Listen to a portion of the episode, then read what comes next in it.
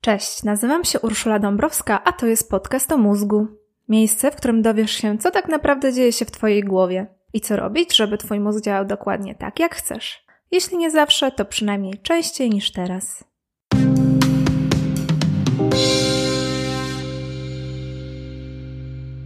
Chciałabym Cię poprosić o zalajkowanie lub obserwowanie strony Podcast o Mózgu na Facebooku.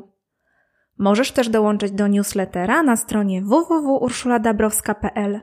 Jeśli ten odcinek przypadnie Ci do gustu, poleć go znajomej lub znajomemu. Bardzo mi zależy, aby wiedza o mózgu trafiła do jak największej liczby zainteresowanych. Pomóż mi w tym, jeśli możesz. Jak ja się cieszę, że mogę Ci dziś opowiedzieć o wspaniałym romansie ruchu i mózgu. Dziś będą same przyjemne, optymistyczne rzeczy, więc już teraz możesz nastawić się na 20-minutową dawkę pozytywnych informacji. Ja wiem, wiem. Od całej tej promocji zdrowego trybu życia i wyrzeźbionej sylwetki może czasem robić się niedobrze. Dlatego spokojnie. W tym podcaście nie usłyszysz nic na temat BMI, kalorii czy Bikini Body Challenge. Nie będzie też nic o zdrowym kręgosłupie, cholesterolu, układzie odpornościowym czy silnym sercu. Zapomnij. Jeśli interesuje Cię prozdrowotny aspekt aktywności fizycznej, to sorry, tu tego nie znajdziesz. Jeśli będzie coś o zdrowiu, to tylko o zdrowiu psychicznym. Mózg i ruch to zgrany duet. Pamiętasz pierwszy odcinek podcastu pod tytułem Po co ci mózg? Jeśli tak, to już dobrze wiesz, że nie byłoby mózgu bez ruchu. Ale to dopiero początek. Współdziałanie mózgu i ruchu wprowadza w ludzkie życie prawdziwe cuda. Dlatego porozmawiamy sobie dziś o całkiem wzniosłych rzeczach. Pojawią się takie słowa jak solidarność, sens życia czy tożsamość. Ale nie zabraknie też konkretów neurobiologicznych. Opowiem Ci o endorfinach, miokinach i wszędobylskiej dopaminie. Gotowy? Gotowa? To startujemy. Pozwól, że zacznę od osobistego wyznania. Ja i sport mamy długą historię jednostronnego zauroczenia. Podkreślam jednostronnego i to, jak się domyślasz, tylko z mojej strony. Fascynacja ruchem pojawiła się dość późno w moim życiu. Do końca liceum nasze relacje były bardzo chłodne, żeby nie powiedzieć mizerne.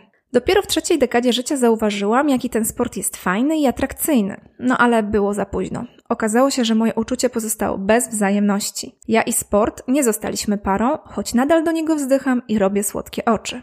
Koniec tej rozbudowanej metafory powiem wprost, żeby rozwiać wszelkie wątpliwości. Ja kocham ruch, ale taki ze mnie sportowiec, jak z koziego zatka trąbka.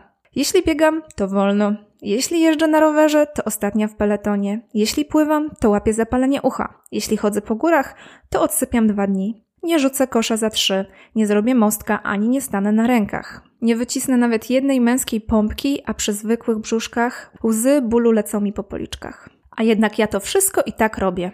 Można by się zastanowić, czy w takim razie wszystko z moją głową jest w porządku i z moim zdrowiem psychicznym. W świetle najnowszych badań mogę odetchnąć z ulgą. Jest ok i to prawdopodobnie właśnie dzięki tej aktywności fizycznej nie tracę zmysłów. Bo ruch jest w paradoksalny sposób przyjemny, ekstatyczny, satysfakcjonujący i wspaniały. Nawet jeśli jednocześnie jest nieprzyjemny, bolesny, męczący i po prostu ciężki. Wiem, ja też nie do końca to ogarniam. Człowiek to zagadka. I to też jest jakaś propozycja dla ciebie. Jeśli się ruszasz, to nie muszę cię do niczego przekonywać, ale może jesteś kanapowym misiem i pocisz się tylko u dentysty. Jeśli tak, to daj jeszcze raz szansę aktywności fizycznej. Naprawdę jest bardzo małe prawdopodobieństwo, że pójdzie ci gorzej niż mi. Natomiast korzyści dla twojej głowy będą takie same albo większe. To pewne jak w banku. Pamiętasz Foresta Gampa? Bohater w pewnym momencie wstaje z krzesła na tarasie i zaczyna biec. I biegnie tak przez ponad 3 lata, pokonując tę i z powrotem całe Stany Zjednoczone. Ta kultowa sekwencja w filmie trwa zaledwie 7 minut, ale przekazuje ogrom znaczeń. Forrest Gump od czegoś ucieka, coś goni, coś manifestuje, od czegoś się uwalnia, coś zyskuje, coś przekracza, coś pokonuje. Pod to coś możemy wrzucić różne konkrety, ale zostańmy na poziomie abstrakcji. Bo bieg Foresta Gumpa przemawia do każdego, nawet do tych, którzy nie biegają. Właściwie dlaczego? Czy to montaż, gra aktorska, muzyka? Pewnie też, ale ja myślę, że to chodzi o nasze geny. Dawno, dawno temu, w pewnym momencie, nasi praprzodkowie drastycznie zmienili sposób życia. W skrócie zeszli z drzew. Nie mieli wyboru. Dwa miliony lat temu bardzo ochłodził się klimat, co zmieniło krajobraz wschodniej Afryki, kolebki naszego gatunku. Zamiast dżungli pojawiły się otwarte, trawiaste tereny. Nasi praprzodkowie wyprostowali się i zaczęli ganiać po sawannach. Zmieniła się nie tylko budowa ich ciała, ale także mózgi. Bieganie weszło do programu dnia, przebudowało biochemię, fizjologię oraz relacje społeczne. Ale o tym za momencik. W kulturze łowiecko-zbierackiej pokonywanie dużych odległości jest niezbędne do przeżycia. Albo biegasz i polujesz, albo chodzisz i zbierasz. W takich warunkach zrobić 10 tysięcy kroków to pestka. Nic dziwnego, że w dzisiejszych czasach tak kiepsko się czujemy i podkreślam, nie chodzi mi o ból w plecach. Chodzi mi o naszą głowę. Okablowanie w mózgu jest przygotowane na godziny marszobiegów na łonie przyrody. W takich okolicznościach wszystko działa jak należy. Świat przybiera postelowe barwy, przyszłość rysuje się całkiem atrakcyjnie, człowiek ma poczucie sensu i celu. Lęki mniej dręczą, ludzie mniej irytują, przygnębienie znika. Zaraz, zaraz. Co to właściwie jest to przygnębienie? Czy nasi praprzodkowie w ogóle wiedzieli, co to jest przygnębienie, handra i obniżony nastrój? Nie dowiemy się tego z zapisu kopalnego, ale jest duża szansa, że znali tylko konkretne problemy, jak głód, ból, niebezpieczeństwo. Czyli rzeczy współczesnemu człowiekowi dość obce, nie to co przygnębienie. Czyli takie mamy coś za coś. No właśnie, ruch i codzienna aktywność fizyczna normalizuje nastrój. Wygląda na to, że wysiłek wyciąga nas z dołka, a czasem nawet dodaje ekstra bonus w postaci lekkiej euforii. Na pewno znasz pojęcie euforii biegacza, czy inaczej haju endorfinowego. Nie, to nie mit. Naprawdę coś takiego istnieje. To fizjologiczny wyrzut endorfin i endokannabinoidów. Przedrostek endo, czyli endogenne, oznacza, że te substancje są wytwarzane w organizmie, a nie przyjmowane z zewnątrz. Ale tak mają swoje odpowiedniki, które można kupić na receptę albo na nielegalu. Endorfiny to endogenne opioidy, czyli endorfiny to takie nasze własne narkotyki jak morfina czy heroina. Natomiast endokannabinoidy to nasza wewnętrzna marihuana. Endorfiny i endokannabinoidy mają trochę różne działanie. Endorfiny przede wszystkim działają przeciwbólowo, natomiast endokannabinoidy są nazwane cząsteczkami don't worry, be happy. Odpowiadają za obniżenie napięcia emocjonalnego, za stan relaksu, radości, błogostan. Endokannabinoidy odpowiadają również za przyjemność bycia z drugim człowiekiem. I właśnie na ten drugi efekt chciałabym Ci teraz zwrócić uwagę, bo najwyższy czas rozprawić się z dużym mitem związanym z bieganiem. Większość ludzi wiąże bieganie z samotnością, egocentryzmem i skupieniem na własnych czasach, tempach, treningach i osiągnięciach. Trudno się z tym nie zgodzić. Biegacze robią nieświadomie dużo, żeby ten mit podtrzymywać. I tu pozdrawiam mojego męża. Kochanie, nie smuta, ja wiem, że to silniejsze od ciebie. Ale uwaga, bieganie dzięki endokannabinoidom jest jak koń trojański. Bieganie, nawet jeśli jest całkiem samotnicze, to i tak przestawia wajchę w mózgu na prospołeczność, potrzebę więzi i czerpanie przyjemności z interakcji z drugim człowiekiem. Szok i niedowierzanie? A jednak tak właśnie to działa. Wróćmy do tych naszych prapraprzodków biegaczy i do ewolucji. Samo bieganie to ogromny wydatek energetyczny. Dlatego ewolucja wbudowała nam w mózg haj biegacza. Właśnie po to, żeby nagrodzić wysiłek przyjemnością i złagodzić ból mikrouszkodzeń w mięśniach. Ale teraz przypomnijmy sobie, do czego to całe bieganie naszym praprzodkom służyło. Tak jest, do polowania. A polowanie najlepiej wychodziło tym, którzy potrafili współpracować i dogadywać się w czasie pościgu i po. Wspólne bieganie poprzez swoje psychoaktywne działanie musiało jakoś budować mosty między ludźmi. Musiało, bo inaczej byśmy wyginęli. Haj biegacza rozładowywał napięcia między myśliwymi. Sprawiał, że drugi człowiek z jego przywarami i beznadzieją przestawał być taki wkurzający. Endorfiny i endokannabinoidy robiły coś jeszcze – Zapewniały, że myśliwi podzielą się upolowanym łupem ze sobą i resztą rodziny czy plemienia. No i to już totalny kosmos, bo to oznacza, że haj biegacza to neurochemiczna podstawa altruizmu, solidarności i pierwszy krok do fantastycznej imprezy przy ognisku. Co to ma do naszego życia? Wiele. Pozwala zupełnie inaczej spojrzeć na sport i aktywność fizyczną.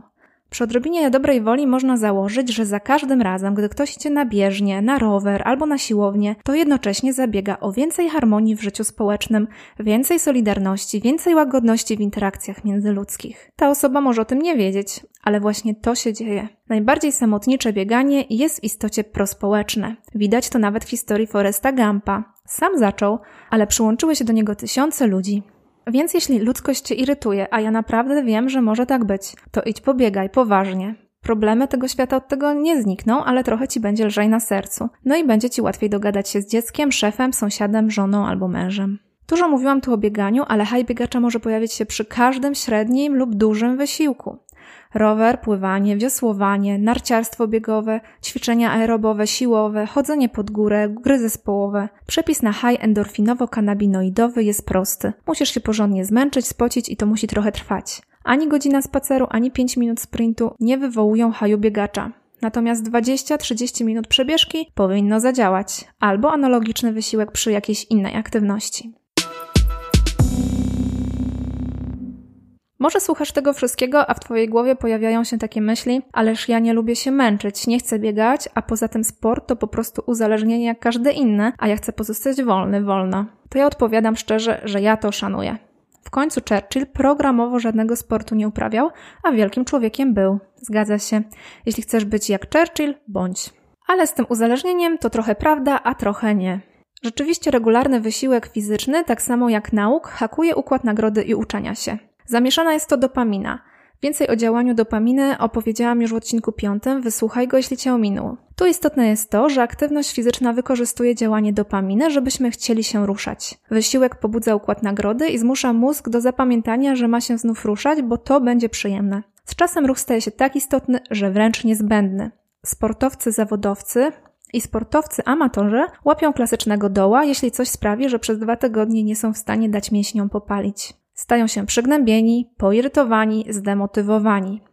I to właśnie wygląda jak efekt odstawienia. Brzmi jak nauk, prawda?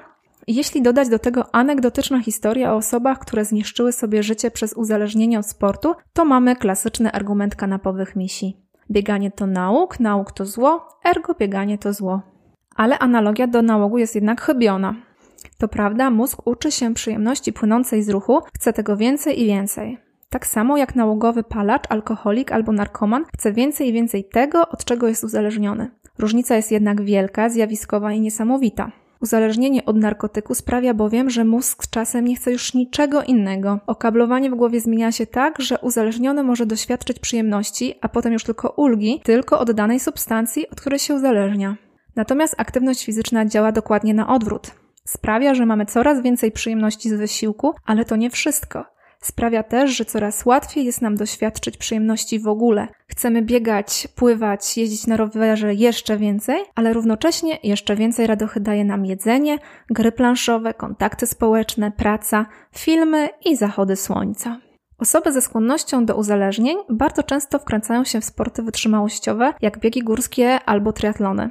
Długo myślano, że po prostu zmieniają jeden nauk na drugi.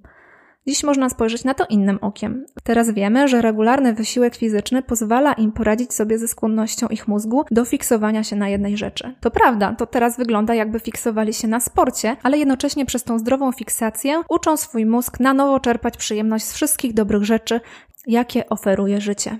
Przyznam się, że sama kiedyś myślałam, że sport to nauk, tylko taki bardziej zdrowy. To nowe spojrzenie bardzo mnie przekonuje i cieszy. Przeczytałam o tym w świetnej książce Kelly McGonigal pod tytułem The Joy of Movement. Polecam ją bardzo. Na razie jest dostępna tylko w language'u, ale wydawnictwo Helion przetłumaczyło na polski dwie wcześniejsze książki McGonigal, więc pewnie doczekamy się również i tej. Regularna aktywność fizyczna uczy nasz mózg, jak czerpać przyjemność i satysfakcję z najróżniejszych rzeczy. Zostańmy jeszcze na chwilę przy tej myśli.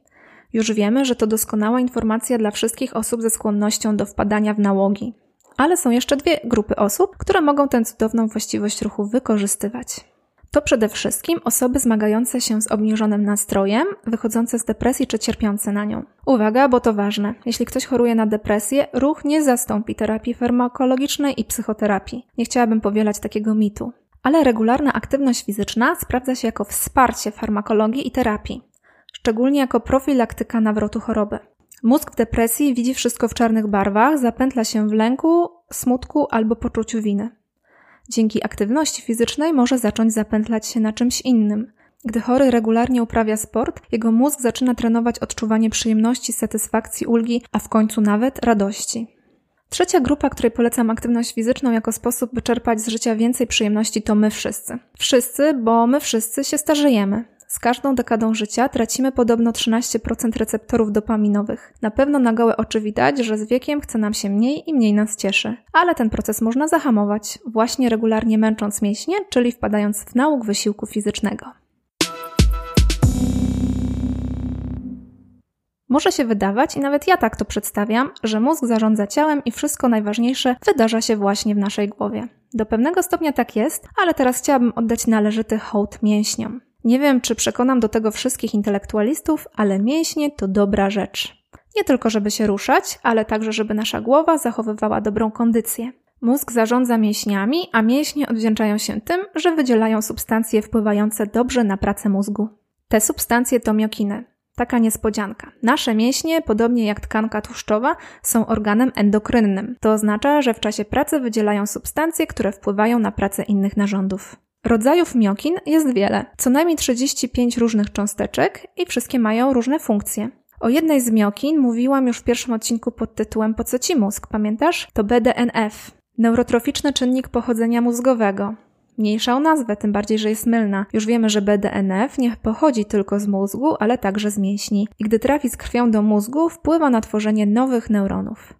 Inne miokiny obniżają stan zapalny w mózgu, chronią receptory dopaminy, stymulują układ nagrody, podnosząc motywację i ułatwiając uczenie się. W pewnej pracy naukowej neurobiolodzy nazwali jedną z miokin cząsteczką nadziei. Zaobserwowali, że wysiłek mięśniowy pod wpływem ruchu przestawia w mózgu stan emocjonalny na bardziej optymistyczny, pogodny, dobrze nastawiony do przyszłości. Po prostu ruch tu i teraz sprawia, że rodzi się w nas nadzieja na lepsze potem. Jednym słowem, praca mięśni robi mózgowi dobrze. Nawet głupi kwas mlekowy zmienia neurochemię w mózgu. Na pewno wiesz, że odpowiada za ból mięśni, ale od niedawna wiadomo też, że jest antydepresantem i niweluje niepokój. Nic dziwnego, że sportowcy lubią swoje zakwasy. I na ten wpływ pracy mięśni na głowę się nie kończy. Romans ruchu i mózgu jest nie tylko biochemiczny, fizyczny, ale także wręcz metafizyczny. Za chwilę padną tu wielkie słowa i abstrakcyjne pojęcia. Wszystkie one są jednak biologicznie umocowane w relacji naszego ciała i mózgu. Wydaje się, że zaczynam odlatywać, ale spokojnie, zostajemy na ziemi, żeby nie powiedzieć na bieżni, na macie albo na boisku. Ludzie zaczynają uprawiać sport z wielu powodów.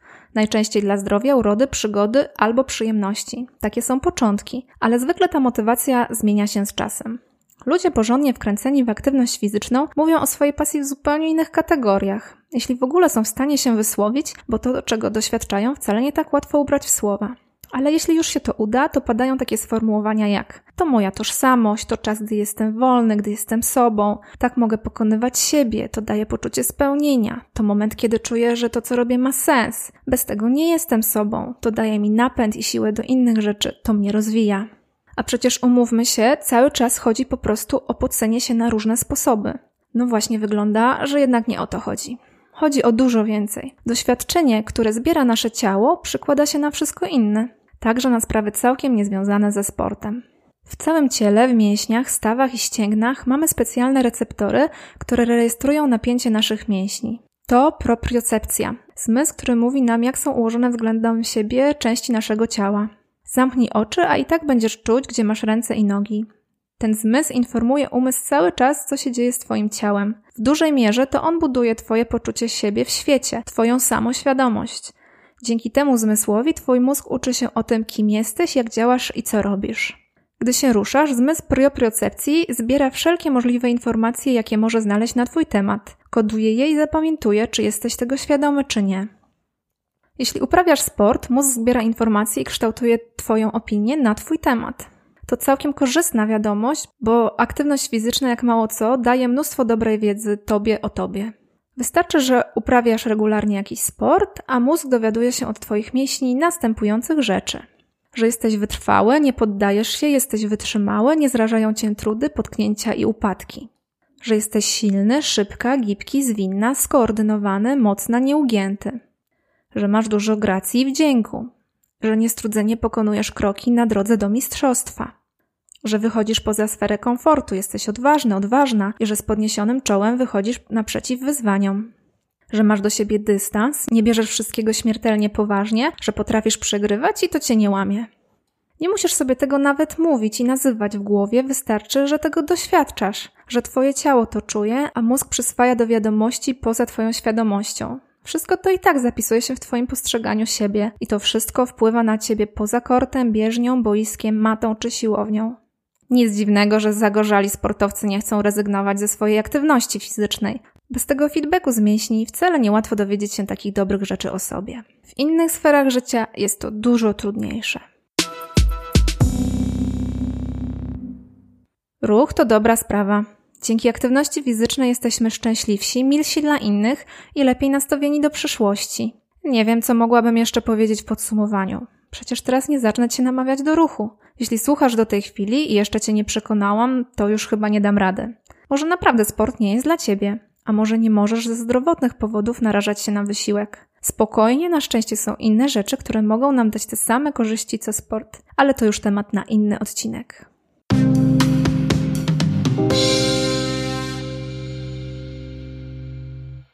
Dziękuję Ci za wysłuchanie tego odcinka. Jeśli chcesz więcej informacji na mój temat, zapraszam Cię na stronę www.urszuladabrowska.pl. Znajdziesz tam mojego bloga oraz opisy moich książek. Zapisz się do newslettera, a informacje o nowych odcinkach będą wpadać prosto na Twoją skrzynkę mailową. Podcast o mózgu jest także na Facebooku. Zapraszam do polubienia strony i kontaktu.